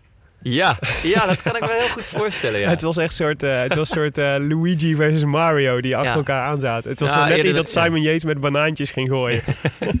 maar dat had zomaar gekund. Ja, ja, nee, het was echt... eh, ja, ik, ik haal altijd die puncheurs aan, aankomst, vind ik het allerleukst. En daar was het ook echt een Giro voor. Daarom had ik Yates ook echt getipt van tevoren. En hij liet het gewoon zien. En tot nu toe, hij was tot, tot ook deze etappe was hij zo soeverein. Maar dat was gewoon het eerste teken van leven van eh, Dumoulin. Daarvoor was hij gewoon niet slecht. En eh na die tijd Ja. was hij natuurlijk, deed hij gewoon wat hij, wat hij kon. En, eh, en deed hij heel goed. Maar hier zat ik echt zo van, come on Tom, hou vol. Weet ja je maar het was, ook, het was ook zo lekker lang ook nog, zeg maar, Ja. die achtervolging. Het was niet inderdaad een minuutje of zo. Het was echt wel gewoon een minuut of door- drie, vier. Door die hele stad heen, zeg maar. Een soort, eh, ja, echt een prachtige achtervolging. Ja, Toen hing Froome er nog ontzettend lullig bij trouwens. Die kwam echt Ja. gesloopt over de finish. Klopt, ja. Die was helemaal, eh, helemaal eraf gefietst. ja. Ja, dat was wel echt, dit was top. En Tim, het was de eerste moment? keer dat Dumoulin echt fantastisch tevoorschijn kwam. Hè? ja, daarom. Het was een eerste echte teken van leven, vond ik. Tim, Ja. wat was jouw moment? Eh, de strijd van Froome tegen Yates op eh, de Zoncolan was wel echt fantastisch. Ik Ja, dacht ook, ja, ja, ja. ik vraag me ook al af achteraf of Froome op dat moment heeft gedacht... het klassement gaat hem niet meer worden. Ik ga gewoon voor, de etappe, voor een etappezegen. Want het was echt een, een doodstrijd waarin eh, Froome zich echt helemaal kapot reed tegen Yates, die hem echt als een haai achterna zat. Hè? Het Ja. was echt Ja. fantastisch. Ja, zo- Yates zo reed toen zo goed ook. Ja, maar kijk, zo, bekijk, zo bekeken we hem toen, hè? Ja, Maar met de Ja. kennis van nu. toch van- wel chiller van- geweest als uh, had gewonnen. Ja, nee, maar, ja, dus dat sowieso. Maar met de kennis van nu, van, van hoe Froome moet toen al gevoeld hebben, er zit, eh, er zit meer in, toch? Ja, weet ik niet. Ik Nou, twijfel ja. daarover. Ik weet ik niet. ook, ik want de denk volgende dus, dag verloor hij weer. Het probleem is natuurlijk dat Ja. er een communicatielijn is van Sky. En je niet helemaal zeker weet of er. eh, Ik weet niet of Froome ooit daar eerlijk over gaat zijn. Over wat er op dat moment toen besproken is. Ja. Misschien nog wel een keer.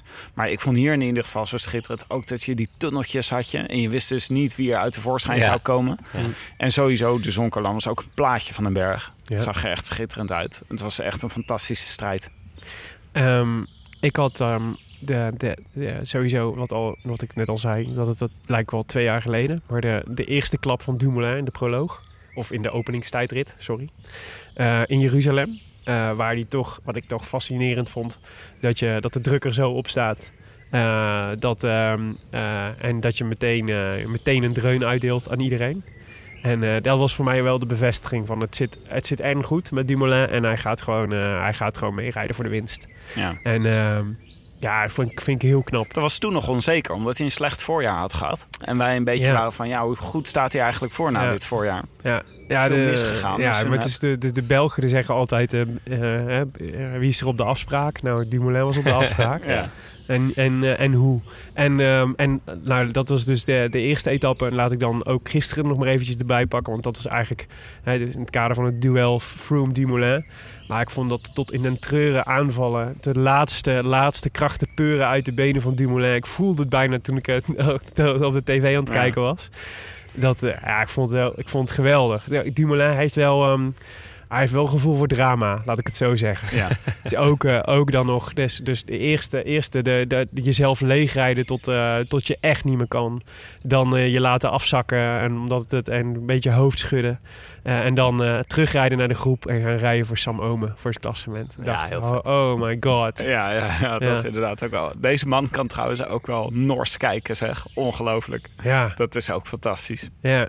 ja, gevoel voor drama. Er zit een goede kop op. Tim, welke renner heeft je het meest verrast? Ja, ik kende eigenlijk M- Matej Moho- Mohoric. Mohoric. Mohoric. Matej? Zou je het zo uitspreken? Matej. Mo- Mohoric? Die kende ik eigenlijk nog niet. Maar eh, wat een eh is dat zeg. Ongelooflijk. Die heb ik een paar keer eh, zien rijden. Hij heeft natuurlijk de etappe in Umbrië gewonnen. Ja. Ja. Maar vandaag was hij ook. Toen ging hij, eh, hoe heet hij ook? Bonifacio?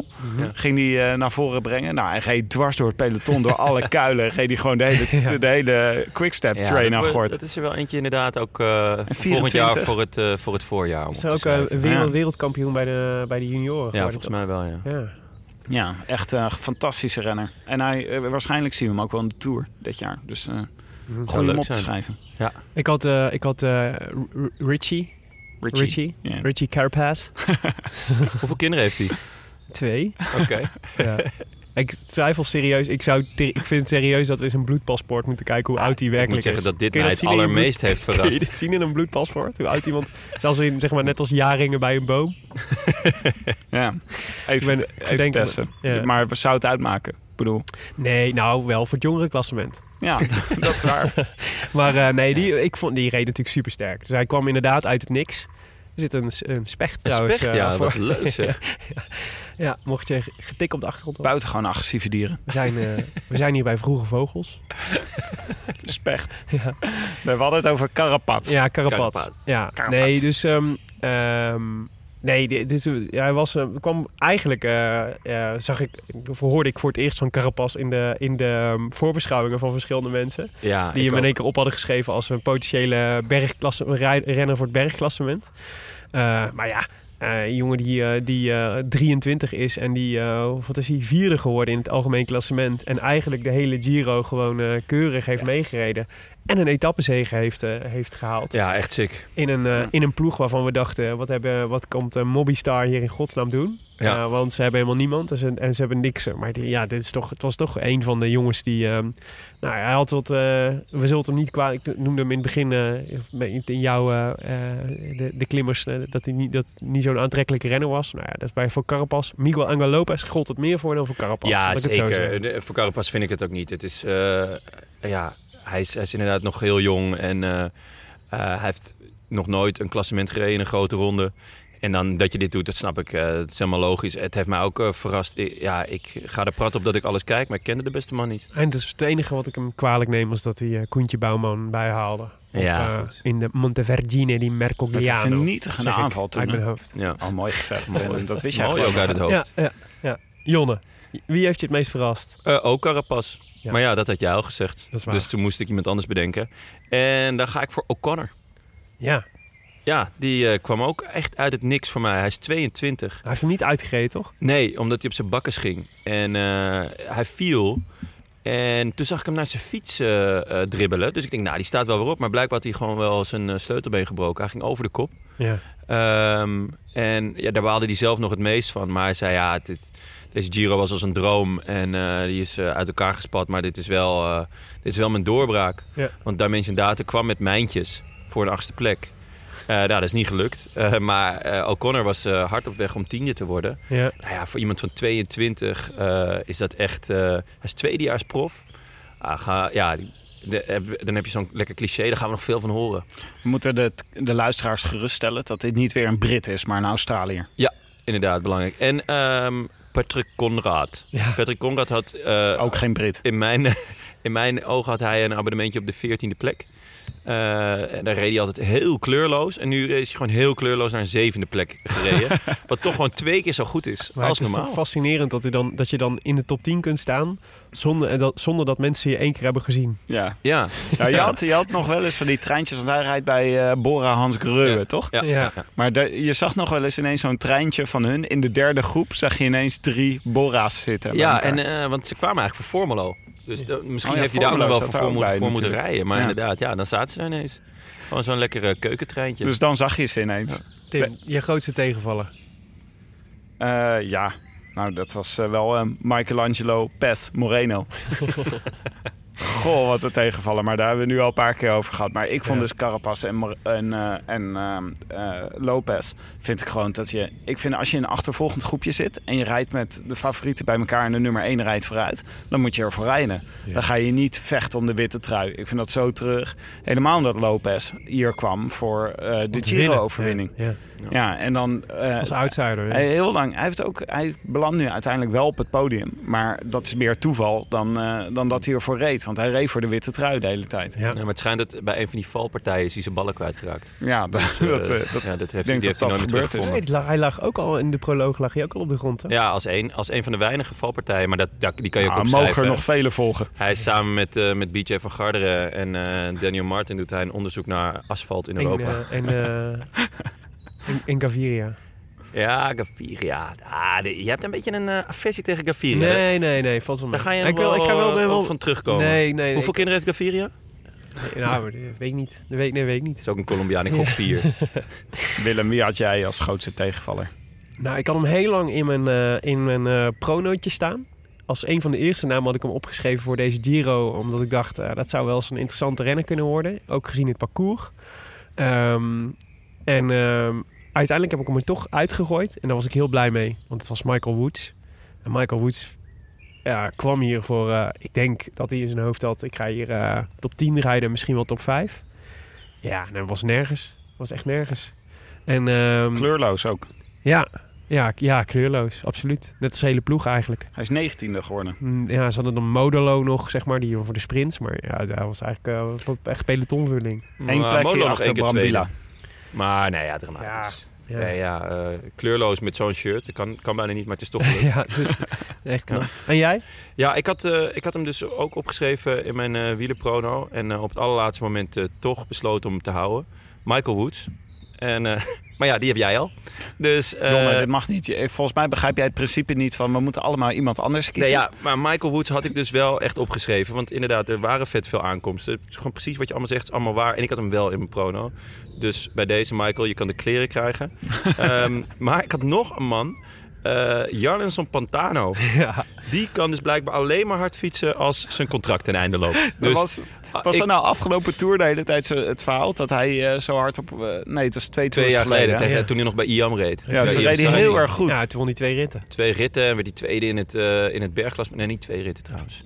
Eén, ja, in ieder geval één. Hij werd Misschien Ja, nog één keer één tweede. en één keer tweede, ja. Ja. Eh, en hij ging voor het bergklassement. eh verloor hij net volgens mij, Maika. Dat was, toch, Ja. dat was toen reed Stef Clement ook nog bij eh IM, toch? Ja, ja, ja. Dat is een ploeggenoot. Ja, de, eh, een beetje zoals Geesink. Hij, hij is nu eh rittenkaper en aanvaller en weet ik veel wat. En ehm, ja, hij kan gewoon echt alleen maar hard fietsen als het contract aan het einde loopt. Dus ik heb een tip. maar jaarcontractjes. Ja, ik heb een tip voor Trek. Gewoon zeggen dat eh, gelijk na de Tour dat ze even willen babbelen. En dan eh, kijken, kijken hoe die doet. Want hij gaat wel de Tour rijden. Oh ja. Als knecht voor Mollema. Dus gewoon dreigen bedoel je? Ja, gewoon dreigen, ja. Beetje zoals jullie ook dat bij mij doen. Ja, precies. precies. Dan je krijgt weer een contract voor acht afleveringen. Tim, jouw Nederlander van deze Giro. Eh, ja. Oh ja, Wout Poels. nou, Ja. ik denk echt dat er voor een heel groot gedeelte eh eh, Froome de overwinning aan Wout Poels te danken heeft. Want die heeft toch zo ontzettend sterk gereden. En eh, eh, het verhaal van Sky, we worden goed in de derde week. Nou, dat gold wel voor Poels. Die was eh, niet alleen een fantastische Ja, knecht. over een en, dramatische voorbereiding gesproken. ja, Ja. ja, en hij was niet alleen Ik een zie hem nog fantastische... lossen op de Bemelerberg. Zo, ja. Was een van de eerste. Ja. In de Amstel Gold Race. Komt niet dat de, de in de Giro Ik probeerde mijn zin op te bouwen tot de spetterende apotheose. Dat hij Oh. niet alleen een goede knecht was, maar uiteindelijk ook nog een goed eh, klassement heeft gereden. Want hij is twaalfde geworden. Ja. Wauw, wat een apotheose. Ja, Dankjewel, ja, Tim. hij Eh, een beetje in het water. 17 minuten. Maar eh, ja, het blijft, je, blijft je, je blijft er twee vragen bij stellen. Wat als eh Dumoulin een hele goede knecht had gehad, zo goed als Poels. En eh, wat als Poels gewoon kopman had mogen zijn. Hij zou eens ja, moeten berekenen... Ome, Ome is in, in wezen een betere knecht dan Poels gebleken. Hè? Ik bedoel, Ome wordt negende. Ja, maar je Dus- moet even, wat een interessant experiment is, misschien eh, dat een van onze luisteraars het wil doen.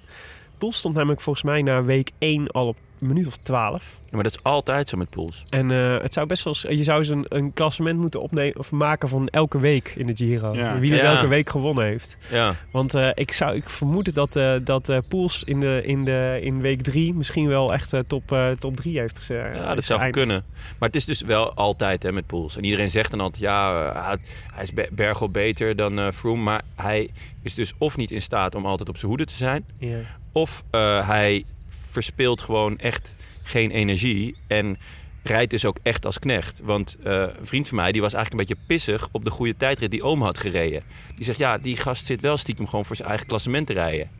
En eh, kijk, als Ome eh, na week 1 op een kwartier staat, omdat hij echt geen trap te veel heeft gedaan, kan hij misschien wel mee op de Finestre. Oh, dan mag hij wel, eh, mag Ja. hij wel rijden, bedoel je, van Nee. de concurrenten. Nee, daar gaat het niet om. Maar dat hij. De reden dat Poels in mijn ogen in de derde week nog zo fit is, is omdat hij zich die eerste week Oh ja. een paar keer gewoon laat lossen. Ja, en als dit, Ome eh, dat ook doet, eh, ja, dan heb je er gewoon in die derde week een stuk meer aan. Ja. Ja. Nee, ik ben dat helemaal met je eens. Maar er zit, eh, je, ja, je weet nooit hoe het, in, hoe het, in, hoe het had uitgepakt als hij andere keuzes had gemaakt.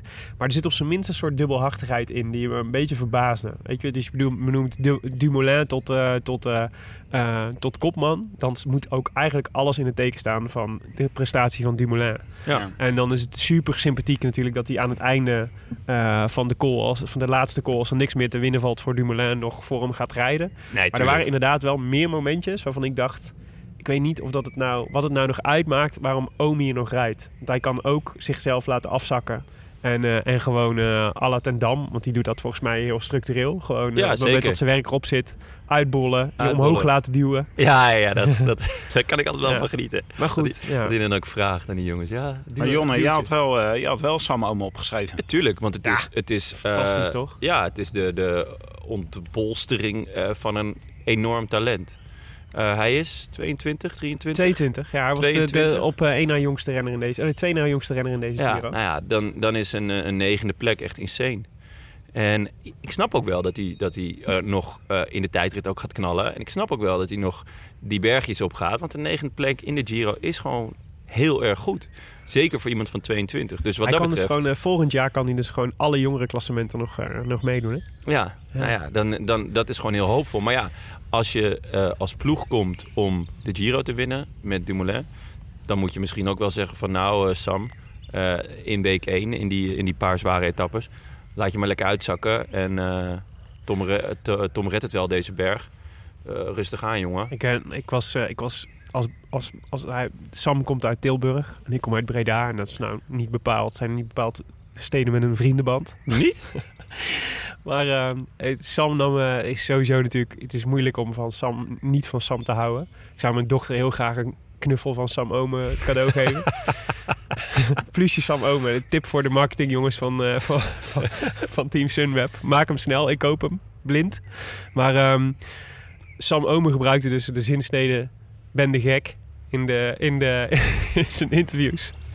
En dat was, dat, dat, ik moest bijna huilen. Zo, heel mooi vond ik het. Dat iemand, dat is namelijk echt, dat is namelijk dan, dan verraad je echt eh, je, Brabantse, je Brabantse bloed. Maar was, er nou, eh, was zijn rol door, de, door Team Sunweb, was hij nou... eh, was hij nou mee als meesterknecht of was hij nou mee als tweede kopman? Want er wa- was ook een fragment Nee in de joh, Laurens ben de gek. Er was ook een fragment in Laurens ten Dam eh, podcast... waarin eh, op een gegeven moment Laurens zei, moet ik nog helpen? En toen zei eh, Tom van, nee, eh, Sam en ik nemen het vanaf hier wel... eh redden was ons wel vanaf meeste hier. knecht was hij Ja, natuurlijk. dat is meesterknecht. Ja. Ja. Maar uiteindelijk wel één die, als, als hij gelost was, kan- heb je de, heb je de keus. Rij ik volle bak door, 100% naar de top, om mijn Ja. eigen verlies te beperken? Of neem ik een snippertje, Ja, zodat ja. mijn benen morgen Ja. helemaal top zijn? En ja, Ja. die keus, eh, die ligt deels bij de ploegleiding, maar ook denk deels bij zichzelf. Maar dat is niet erg, eh, maar ja, Ja, het is ook wel... Ik heel vind vaak het ook, in het tweede groepje het is gezeten. natuurlijk- ja. tuurlijk. Dat is ook goed. En Eh, dit is natuurlijk best wel, vind ik ook, ehm, veel gevraagd als je een jongen van 22 de meesterknecht is van een van de favorieten van de Giro. Hè?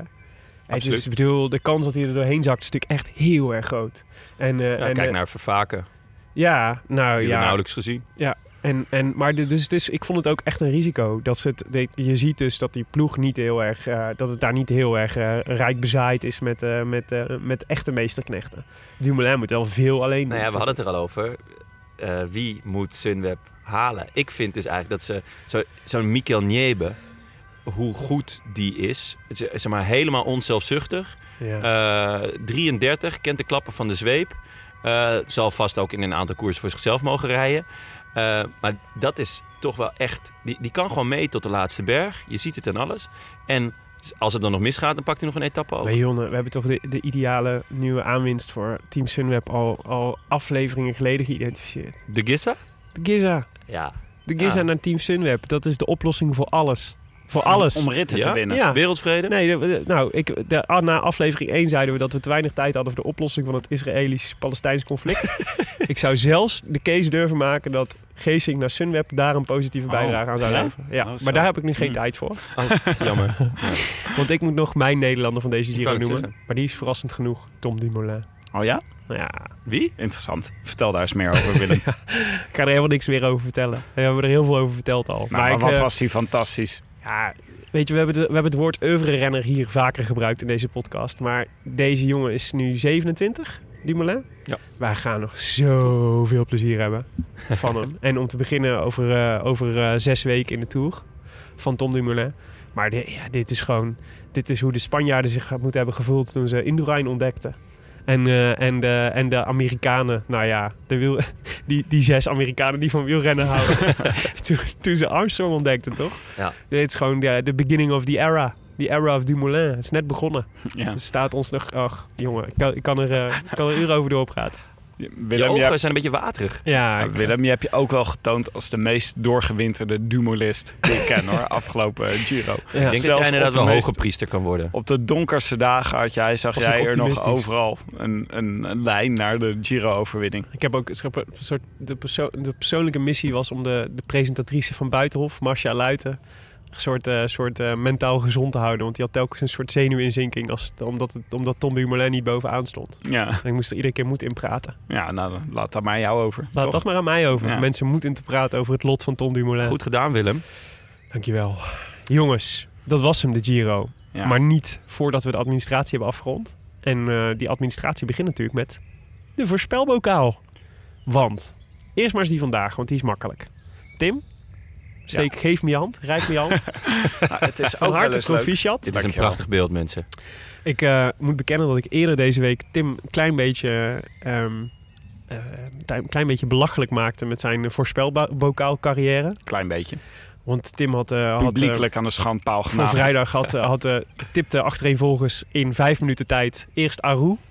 En vervolgens vijf minuten later werd Aru gelost. En nog eens vijf minuten later was Aru Amandel. Ja, Ja, het was, niet mijn, eh, was niet mijn dag. Nee, dat was niet jouw dag. Maar die heb je vandaag grandioos goed gemaakt. Want Sam Bennett, jouw voorspelling, Ja. heeft de etappe gewonnen. Het is ook wel eens leuk. Volgens mij had ik al twee rondes niks goed voorspeld.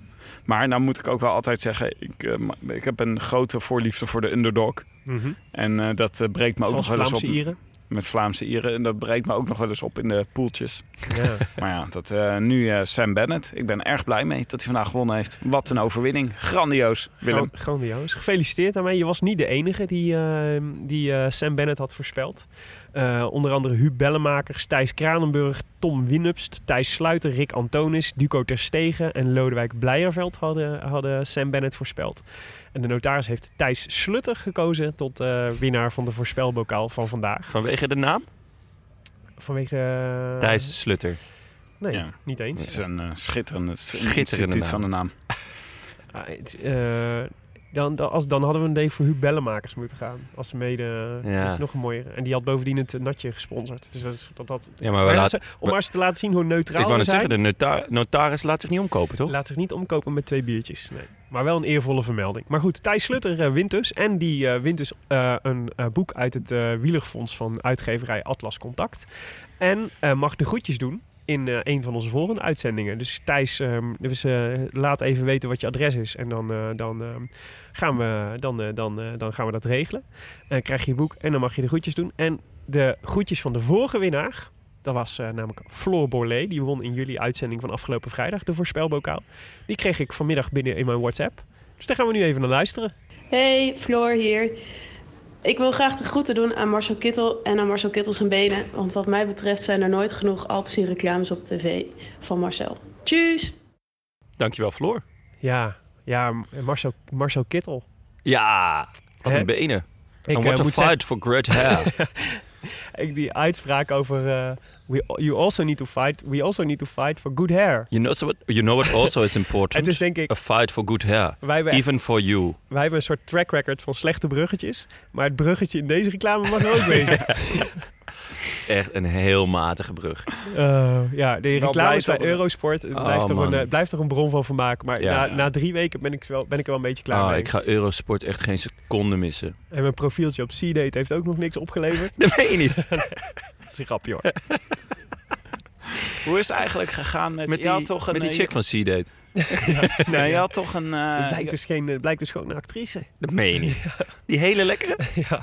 Met heel weinig kleren aan. Sorry Tim, je wil wat zeggen. Zijn jullie klaar, jongens? Ja, eh, sorry. Hoe is het eigenlijk gegaan met... eh, je had de geheimzinnige Twitter-account van Molly. Had jij eh, gevolgd, toch? ja, de Eh, cycling, cycling Mole, ja, die, had ik, die hadden iedereen als een Twitter-account getipt. Die, die nog steeds gewoon iedere aflevering een hele goede voorbeschouwing schrijft. Alleen die eh, volgens eigen zeggen zijn slechtste ronde ooit heeft beleefd met voorspellingen. En dat klopt, want hij had niks, werkelijk niks goed.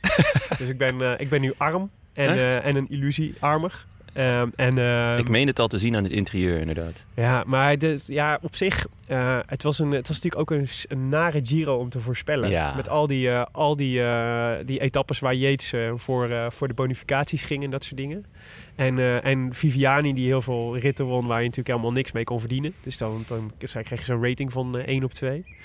Ja, dus het was ook, ik, laat ik het hem vergeven. En eh, we gaan het gewoon nog een keer proberen. Ik zet mijn experiment gewoon voort. Ja, ga je nog... eh, is Nou, ook, ik, nu, eh, nu komt het... eh, hij deelt het in eh, blokken in, hè? Dus Maanden. Nu komt, ja, nu komt het Dauphiné... eh Maar dan moet je weer extra lappen.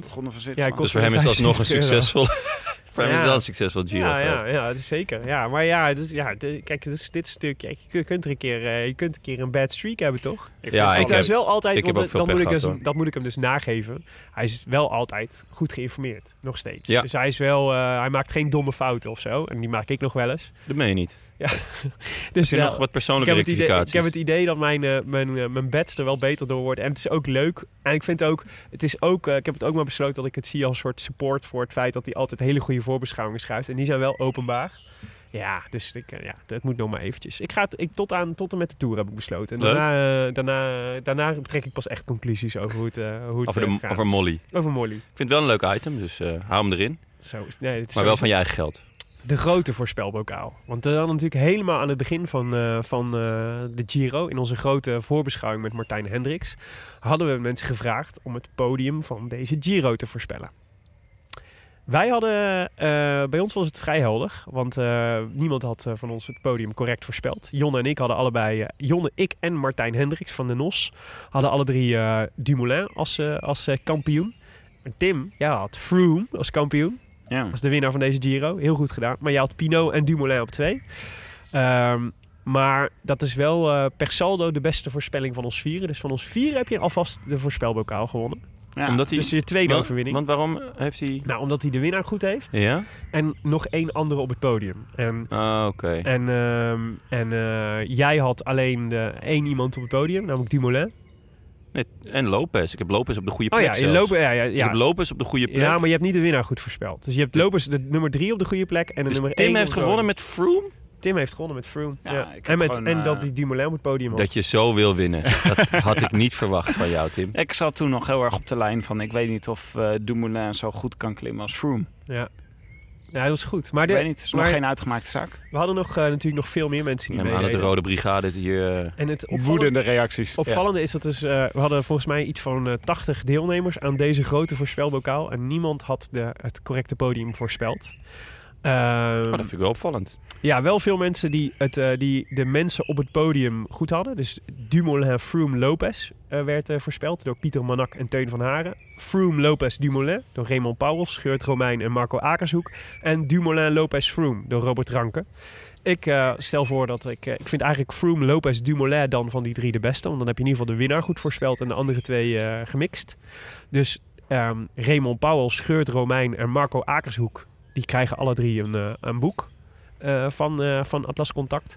Maar we hadden ook nog een, hoofd, nou, eigenlijk een hoofdprijs, namelijk een eh, poster ehm, van, eh, uit de Cycling Collection van My Sport Moment. Plus eh, de, de, de groetjes in een van de volgende afleveringen. Ik stel voor dat we die aan Marco Akershoek gunnen. Marco Akershoek is de winnaar van de grote voorspelbokaal van deze Giro. Hoera voor Marco Akershoek. Gefeliciteerd. Eh, wanneer is de volgende voorspelbokaal? Ik denk, eh, ja, het hangt er een beetje vanaf. Wat we, wat we, wij, hebben natuurlijk net als Dumoulin ook, eh, ook nog een beetje vage plannen voor de komende tijd. Maar ik vermoed zomaar dat onze eerstvolgende uitzending de, de, grote, voorspel, de, grootste, de grote voorbeschouwing op de Tour de France gaat worden. Ja. En eh, dat is dus, ehm, dit zal dus in de eerste week van juli zijn. 7 juli begint de Tour. Ja, dus dan zal de, dan zal de grote voorbeschouwing zal dus in de eerste week van, van juli zijn. Het zit een week langer hè, tussen de, het einde van de Giro en het begin van de Tour vanwege het WK. Ja.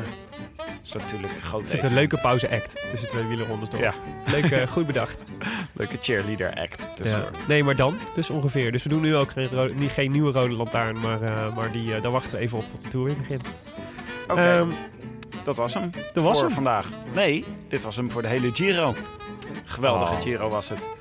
U luisterde naar de Rode Lantaarn, gepresenteerd door uw favoriete bankzitters Willem Dudok, Tim de Vulture. Ik zie dat het eh, de aantekening heeft eh, bereikt. En Jonne Seriese van Dag en Nacht Media. En die laatste doet ook de productie. Wij danken hetiskoers.nl voor alles wat ze doen voor ons en voor de wereld. En voor wielerliefhebbers in, het hele, in alle uithoeken van het universum. We danken uitgeverij Atlas Contact voor alle voorspelbokaal boeken. En vooral Shimano Service Center voor de sponsoring. Merci voor het vertrouwen jongens.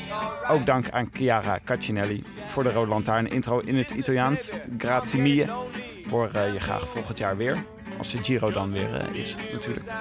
Daar ga, ik, daar ga ik op zich wel vanuit. maar je We- weet het niet. Je weet, je het, weet het niet. Het kan gek lopen in het wielrennen. Misschien is hij Het volgend jaar in de winter. Ja. Wil je reageren op deze uitzending of op de hele reeks van eh, Giro-uitzendingen? Wij horen graag alles. Via Twitter zijn we te bereiken via Willem Dudok en Tim de Gier en Ton Garçon. Met de eerste O is een 0 op Twitter. En als je het leuk vond, eh, abonneer dan vooral op iTunes en laat een reviewtje achter, zodat de andere mensen de podcast ook kunnen vinden. Eh, Willem, hebben we eigenlijk nog een leuk eh, reviewtje? Zeker. Onder andere van Iris Bakers. Die schrijft eindelijk een wielerclubje. Deze podcast is de, als de vriendengroep met een voorliefde voor wielrennen die ik niet heb. Dat klinkt een beetje sneu en dat is het ook. Maar als vrouwelijke wielrenfan is het moeilijk om vriendinnen enthousiast te krijgen over prachtige demarages en renners aan een, renners aan een elastiek. Vijf sterren en nu op naar de Tour. Dat moeten we wel, hè? Nou, Iris Bakers, je mag altijd bij ons wielerclubje. Ja, heerlijk. Wij zijn er, eh, nou ja, in elk geval bij de Tour weer. En dat is over een kleine zes weken. 7 juli eh, gaat de etappe van Noirmoutier-en-Lille naar Fontenay-le-Comte. Geen eh, proloog. Een rit in lijn. Wat dus betekent dat Dylan Groenewegen meteen het geel kan pakken. Daar gaan we wel vanuit. Tot die tijd verwijzen we u naar het WK voetbal, de ideale pauze act en de nabeschouwing van onze zusterpodcast Live Slow Ride Fast.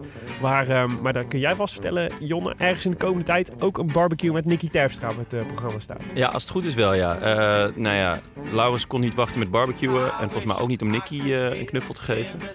Eh, dus eh, ja, hij zit er hopelijk eh, ZSM aan te komen. Dat zou leuk zijn. Ja, dat zou heel lekker zijn. Nou goed, bedankt voor het luisteren allemaal. Eh, we vonden het weer een geweldig avontuur. En we zijn heel blij dat er eh, zoveel mensen zijn die bijna net zoveel plezier hebben in het luisteren als wij in het maken.